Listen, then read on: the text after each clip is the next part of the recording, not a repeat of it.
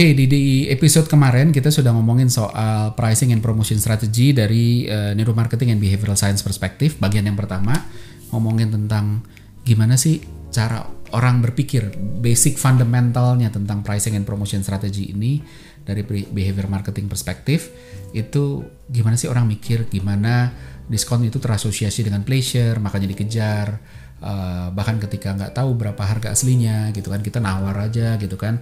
Terus diskon juga uh, kita uh, apa namanya uh, ingat bahwa diskon juga create urgency gitu kan nggak tiap hari ada pas butuh belum tentu ada gitu. Jadi pas ada ya harus butuh aja gitu kan.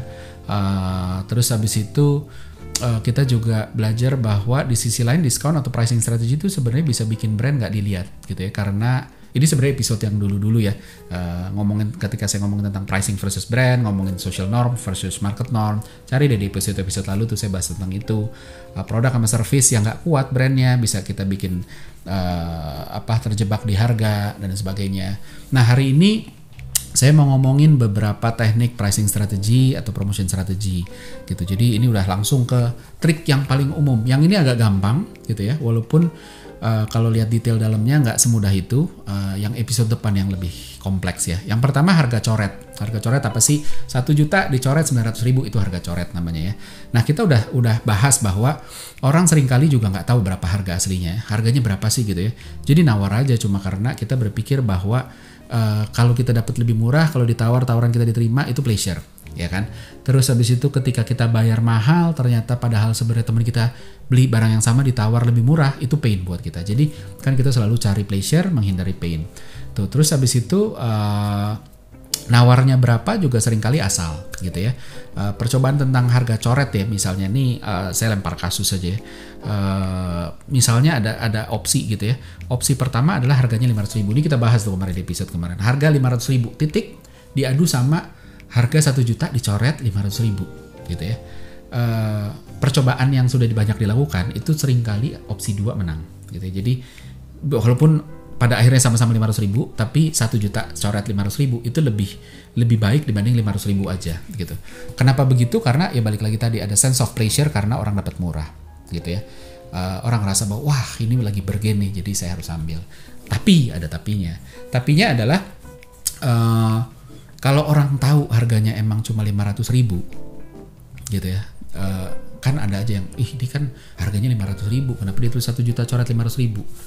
Maka brandnya terancam karena brand sama dengan trust gitu. Kita brand kita dianggap sebagai brand yang berbohong gitu ya Padahal brand itu adalah trust gitu ya. Dan bahayanya tuh apa? Ah biarinlah nggak apa-apa ya udah kan orang juga nanti move on gitu ya. Belum tentu gitu. Karena ke depannya orang bisa menghindar. Kenapa menghindar? Ada istilah namanya decision paralysis. Decision paralysis adalah momen di mana orang nggak bisa decide. Nggak bisa decide itu bisa karena macam-macam. Bisa karena choice overload karena memang pilihannya terbanyak kebanyakan. Tapi kalau ini karena dia tidak tahu mana yang benar gitu ya. Ketika dia uh, belanja di satu toko, terus dia udah pernah ngeliat bahwa toko ini bohong. Harga barangnya sebenarnya 500 ribu harga pasaran. Harga toko di, di toko yang sama bulan lalu 500 ribu. Kenapa bulannya dia tulis 1 juta coret 500 ribu? Gitu. Jadi terus habis itu dia jadi, aduh ini ketika ada harga sekian, ini harga yang beneran apa harga yang udah digelembungin nih? Dia bingung, kalau saya beli, saya salah nggak? Saya akan dapat pain apa nggak? Atau saya akan dapat pleasure? Nah, ketidakpastian itu yang membuat orang jadi decision paralysis. Daripada salah mendingan udah nggak usah diambil. Beli aja di tempat lain. Itu yang akan terjadi. Ini sama kayak ketika kita kerja ketemu tim kita karyawan kita nyolong gitu ya. Nyolong itu bukan masalah rupiahnya tapi masalah kepercayaan. Bahayanya dari nyolong adalah punya karyawan nyolong. Adalah sekarang ini nyolong ketangkep gitu ya. Eh, lima puluh ribu nyolongnya ketangkep gitu ya. Terus habis itu udahlah kan cuma lima puluh ribu suruh ganti aja dimaafin terus habis itu kita move on Nah, permasalahannya besok-besok kita mau kasih dia kepercayaan, mau dikasih duit, kita mikir, ini bakal dicolong apa enggak ya? Ketika dia uh, ngajuin satu proposal, bos ini tolong dong di approve dong, ada pengadaan ini harganya satu juta. Kita akan berpikir satu juta ini harga benar atau harga yang dia udah udah dapat uh, keuntungan pribadi. Nah, ketidak apa ya ketidaktahuan tentang mana yang benar itu yang akhirnya membuat kita jadi khawatir selalu dihantui sama pikiran benar apa enggak benar apa enggak dan akhirnya kita memilih untuk ah udah deh mending dibuang aja deh yang kayak gini-gini. Gue nggak mau pusing sama ketidaktahuan am ini oke okay apa enggak? So kesimpulannya harga coret itu works itu works gitu ya. Tapi tetap ada risikonya. Ketika orang tahu bahwa itu harganya sebenarnya digelembungin itu dicoret itu risikonya gede sekali. Jadi saya menyarankan tidak seperti itu karena uh, apa ya? Karena ya tadi brand itu tentang trust dan ya kita nggak boleh meng, mengkhianati trust ini tadi gitu. Makanya ada istilah forgiven not forgotten gitu. Orang bisa maafin tapi orang nggak lupa. Dan ketika orang nggak lupa masalah kepercayaan itu susah gitu ya. Itu pertama. Trik uh, apa trik kedua adalah psychological price gitu. Psychological price ini apa ya kalau pernah lihat oh, kita beli barang harganya 97 titik 899 atau harganya 58.900 gitu ya. Jadi harganya agak kok ganjil-ganjil ya kenapa nggak dibulutin aja gitu. Nah, ini disebut psychological price gitu ya. Uh, apa namanya? Karena memang ada beberapa teori. Pertama adalah orang punya batas psikologi. Dari ratusan ke ribuan itu ada batas psikologinya. Ketimbang 1900 itu secara psikologi masih murah, pecahannya lebih kecil gitu. Terus habis itu kelipatan 500 ribuan itu juga batas psikologi gitu kan. Uh, dan buat perusahaan ya udahlah saya ngurangin kalau misalnya tadi harganya 97899 kan kurang lebih 2000 sekian lah ya udah saya kurangin mar margin 2000 sekian, anggap aja itu marketing cost tapi bisa membuat orang beli. Jadi kan kurang lebih begitu. Nah, uh, psychological price ini pada prinsipnya sebenarnya memanfaatkan otak malas kita gitu kan. Otak itu tuh males pengennya simple.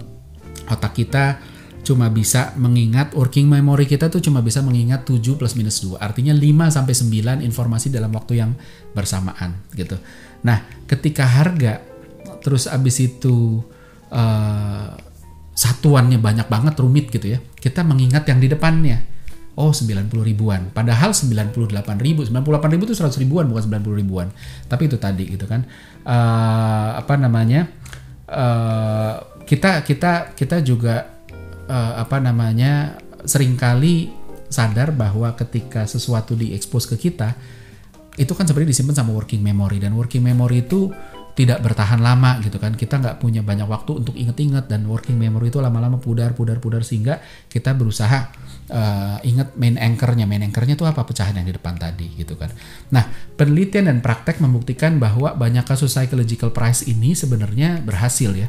Tapi dengan beberapa catatan. Yang pertama itu biasanya berhasilnya lebih banyak ke market cowok. Karena cowok lebih apa ya lebih suka ngelihat high high level bukan hal detail. Jadi ketika harganya 98 uh, eh, atau 97899 dia akan ingat 90 ribuan. Bukan 100 ribuan karena dia ingat depannya. Cowok lebih gitu. Sementara cewek itu lebih detail. Terus kedua pakai angkanya jangan single number. Misalnya harganya 99.999. Itu gampang banget untuk diingat sebagai 100 ribu gitu. Karena yang diingat satu informasi, 9 semua bukan tadi kan kita eh, yang saya bilang kan 7 plus minus 2. Ketika 99999 yang perlu diingat adalah 9 semua angkanya. Sehingga oh ya udah 100 ribu itu gitu loh. Uh, tapi kalau dibikin agak rumit agak susah. Nah, uh, apa namanya? Uh, ketika angka-angka yang gampang dihafal itu gampang banget diingat sehingga orang ingat detailnya. Terus uh, apa namanya? makin ribet itu sebenarnya ya makin susah diingat, makin ambil uh, orang makin ambil angka depannya gitu ya. Jadi kayak gitu-gitu. Nah, secara secara resikonya terhadap brand sebenarnya psychological price ini uh, bisa dibilang nggak ada resikonya ya. Uh, brand besar juga banyak yang pakai Apple pun juga kan gitu kan keluarin harganya 479, keluar harganya 799 dan sebagainya. Jadi kurang lebih kayak gitu. Yang yang ketiga, teknik ketiga itu sebenarnya yang banyak dipakai itu bonus versus discount. Pilih mana? Ini tadi di episode yang lalu kita sempat ngomong ini juga. Pilih mana? Milih jual harga 12 juta coret jadi 10 juta gitu ya atau 12 juta tapi dapat bonus senilai 2 juta. Net marginnya sama-sama 10 juta gitu ya. Karena 12 coret jadi 10 ya dapatnya 10, 12 bonus 2 juta gitu kan. Artinya saya dapat 12 tapi saya keluar uh, biaya 2 juta untuk ngasih bonus gitu kan. Jadi netnya juga 10 juta sama-sama 10 juta. Nah kelihatannya sama tapi beda. Asumsi uh, brandnya uh, apa namanya uh, asumsinya ketika ketika ketika asumsi apa namanya uh, kita berasumsi bahwa brandnya dikenal gitu ya opsi satu ini narik sales lebih banyak. Artinya ketika 12 juta dicoret jadi 10 juta, orang lebih mau beli karena saya cuma keluar uang 10 juta dibanding 12 juta, 10 juta lebih gampang keluarnya. Tapi dari sisi company revenue-nya lebih kecil karena dia dapat 10 juta bukan 12 juta gitu ya. Walaupun revenue ya karena walaupun net profitnya sama-sama 10 juta, tapi secara pencatatan kalau 10 juta, 12 eh, juta coret jadi 10 juta, ya revenue 10 juta gitu ya. Kalau 12 juta dapat bonus 2 juta, revenue-nya 12 juta, tapi habis itu ada cost 2 juta, kan begitu. Uh, nah, uh, apa namanya? Secara margin kemungkinan ketika kita jual 12 coret 10, secara margin kemungkinan juga lebih kecil karena diskonnya direct. Sementara opsi 2 ketika 12 juta dapat bonus senilai 2 juta, itu uh, kita bisa dapat margin lebih gede karena cost 2 juta itu kan yang diomongin bonus 2 juta itu kan harga market ya. Harga waktu beli misalnya bonusnya apa sih? Oh, bonus headphone seharga 2 juta. 2 jutanya kan harga market. Ketika kita beli ke vendor sebelah, mungkin dikasih diskon. Harganya mungkin cuma 1,8 atau satu setengah. Jadi sebenarnya secara margin masih jauh lebih lebih baik gitu. Jadi uh, dua-duanya ada plus minusnya gitu ya. Uh, apa namanya? Dan yang yang opsi yang 12 juta secara sales nggak akan mungkin sedikit di bawah yang 10 juta tadi walaupun total net marginnya sama. Jadi sebenarnya ini masalah masalah pilihan gitu. Tapi opsi satu itu uh, berbahaya atau punya resiko lah ya, bukan berbahaya, punya resiko karena seolah-olah membuka memberi informasi ke konsumen bahwa harga kita bisa fleksibel sampai 10 juta. Tuh dia waktu itu beli apa jual 10 juta aja laku kok, ada untungnya kok gitu kan nggak mungkin dia jual barang rugi kan gitu. Sehingga nextnya ketika kita jual 12 juta orang akan nungguin tunggu deh tunggu dua tunggu apa 10 juta. Jadi kalau saya pribadi instead of 12 coret jadi 10 saya lebih prefer 12 dapat bonus senilai 2 juta gitu. Jadi itu resikonya lebih kecil. Nah terus uh, selanjutnya ada juga uh, yang sering dipakai itu kalau kita nulis diskon itu lebih baik nulis persen atau rupiahnya gitu kan uh, diskon 100 ribu atau diskon 10% dari harga 1 juta gitu ya. Uh, nilainya sama gitu ya nggak ada nggak ada bedanya tapi tapi ini juga nggak ada rumus bakunya tergantung angkanya gitu kan. Misalnya harga barang 100 ribu nulis diskon 20% itu lebih baik ketimbang nulis diskon uh, sorry har harganya 10 ribu. Terus habis itu ketika kita nulis diskonnya 20% itu rasanya lebih gede dibanding diskon 2000 kenapa 2000 tuh kecil nggak berharga gitu ya? Kencing aja 2000 gitu kan jadi nggak ini. Sementara ketika harga barangnya 10 juta nulis diskon 1 juta itu mungkin lebih baik dibanding nulis diskon 10% karena 10% aduh 10% nggak kerasa lah gitu kan. Uh, jadi itu tadi gitu kan. Intinya mana yang lebih kelihatan besar gitu ya uh, itu yang harus kita pilih. Entah itu uh, persen atau rupiah Terus uh, ini juga ngebuktiin bahwa harga dan besaran diskon itu relatif, tergantung nilainya, tergantung besarannya dan lain sebagainya. Jadi rupiah persen itu amat sangat relatif dan kontekstual gitu. Jadi nggak bisa dipukul rata. Nah uh, ini juga sama baik persen ataupun rupiah nggak ada efeknya ke brand gitu ya. Walaupun secara overall diskon itu selalu punya risiko terhadap brand, tapi pilihan antara rupiah sama persen mirip-mirip lah gitu, nggak ada bedanya. Nah terus terakhir itu uh, ada BOGO buy one get one gitu atau kombinasinya gitu ya uh, ini banyak banget digunain dan ada plus minusnya. Uh, sama kayak bonus sebenarnya ketimbang diskon ini nambah revenue gitu kan. Ketimbang saya diskon 50%, uh, kita bilang kalau kamu beli dua saya kasih diskon 50% deh, which sebenarnya sama aja gitu kan. Uh, tapi dap kita dapat rupiahnya beli dua gitu loh. Uh, jadi uh, apa apa dari, dari sisi barang yang terjualnya lebih lebih lebih gede gitu kan. Nah, itu tadi. Nah, tapi ada tapinya. Tapinya apa? Bisa bikin decision paralysis juga ketika barangnya bukan barang yang bisa dibeli dua gitu kan. Ayo uh, apa namanya? Contoh apa? Misalnya beli HP. Beli HP itu kalau beli dua itu saya kasih diskon deh gitu ya, berapapun diskonnya. Orang mikir gitu kan, ngapain beli HP sampai dua gitu kan. Beli mobil, beli kompor, ibu-ibu ngapain beli kompor dua gitu kan, kecuali punya catering gitu kan.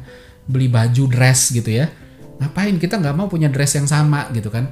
Tapi bisa works ketika emang barangnya bisa dibeli lebih dari satu. Snack terus apalagi uh, toiletries sabun odol segala macam ini kan bakal habis. Jadi consumable gitu ya. Semua yang consumable personal care itu juga masuk ke sana.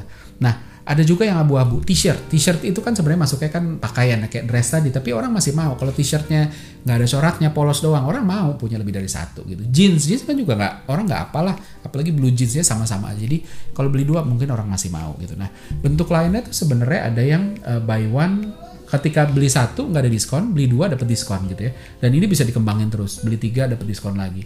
Ini prinsipnya sama aja, tapi malah bisa bikin orang bingung gitu. Kenapa bingung? Karena apalagi ketika aplikasinya lebih dari dua ya. Oh kalau tiga berapa, kalau empat berapa. Ada besaran diskon yang nggak gampang dihitung, sehingga terus orang jadi bingung kalau satu tuh sekian oh kalau dua ditambahin dulu terus dikali diskonnya. Ketiga tambahin lagi kali tiga terus baru dikasih diskon dan sebagainya. Jadi itu tadi. Nah kita harus balik ke ketika mau pilih ini kita harus balik ke prinsip asal. Bahwa otak manusia tuh males. Kita nggak begitu kuat dalam dengan numbers dan sebagainya. Makanya harus dibikin rule yang lebih mudah dimengerti mudah dihitung gitu ya begitu orang sulit hitung orang jadi decision paralysis dan orang punya anticipated regret. Wah nanti kalau saya beli saya nyesel lagi. Ya udah deh, nggak usah dibeli deh. Jangan-jangan nanti saya lah salah salah ambil keputusan mendingan ya udah move on aja nggak usah dibeli. Jadi itu yang berbahaya. Nah tapi kalau uh, apa incremental discountnya itu kelihatan tajam gitu ya orang bisa tutup mata gitu secara males kita mau nggak menghitung gitu ya tapi kita lihat apalagi barangnya barang consumable wah beli satu nggak ada diskon beli dua 20%, beli 3, 50%, beli 4, 70%. Kita langsung wah udahlah sikat aja apalagi consumable. Saya bakal butuh juga dan apa namanya uh, akan habis juga semuanya akan dipakai gitu. Jadi boleh juga nih hematnya lebih banyak kalau saya ambil lebih banyak. Jadi ayo deh ambil gitu kan. Jadi memang pada akhirnya trik-trik ini bergantung sekali uh, sama produknya. Apakah dia consumable apa enggak. Uh, apa dan triknya itu beda beda barang itu bisa bisa beda dan beda strateginya gitu. Jadi luar biasa. Nah ini trik-trik yang ini masih masih masih yang umum gitu ya. Tapi banyak orang yang nggak ngerti kapan pakai ini kapan pakai itu dan sebagainya gitu ya. Nah di episode selanjutnya nanti di minggu depan keluarnya itu kita pakai trik-trik yang lebih kental lagi behavioral science and neuromarketingnya. Ya ditunggu ya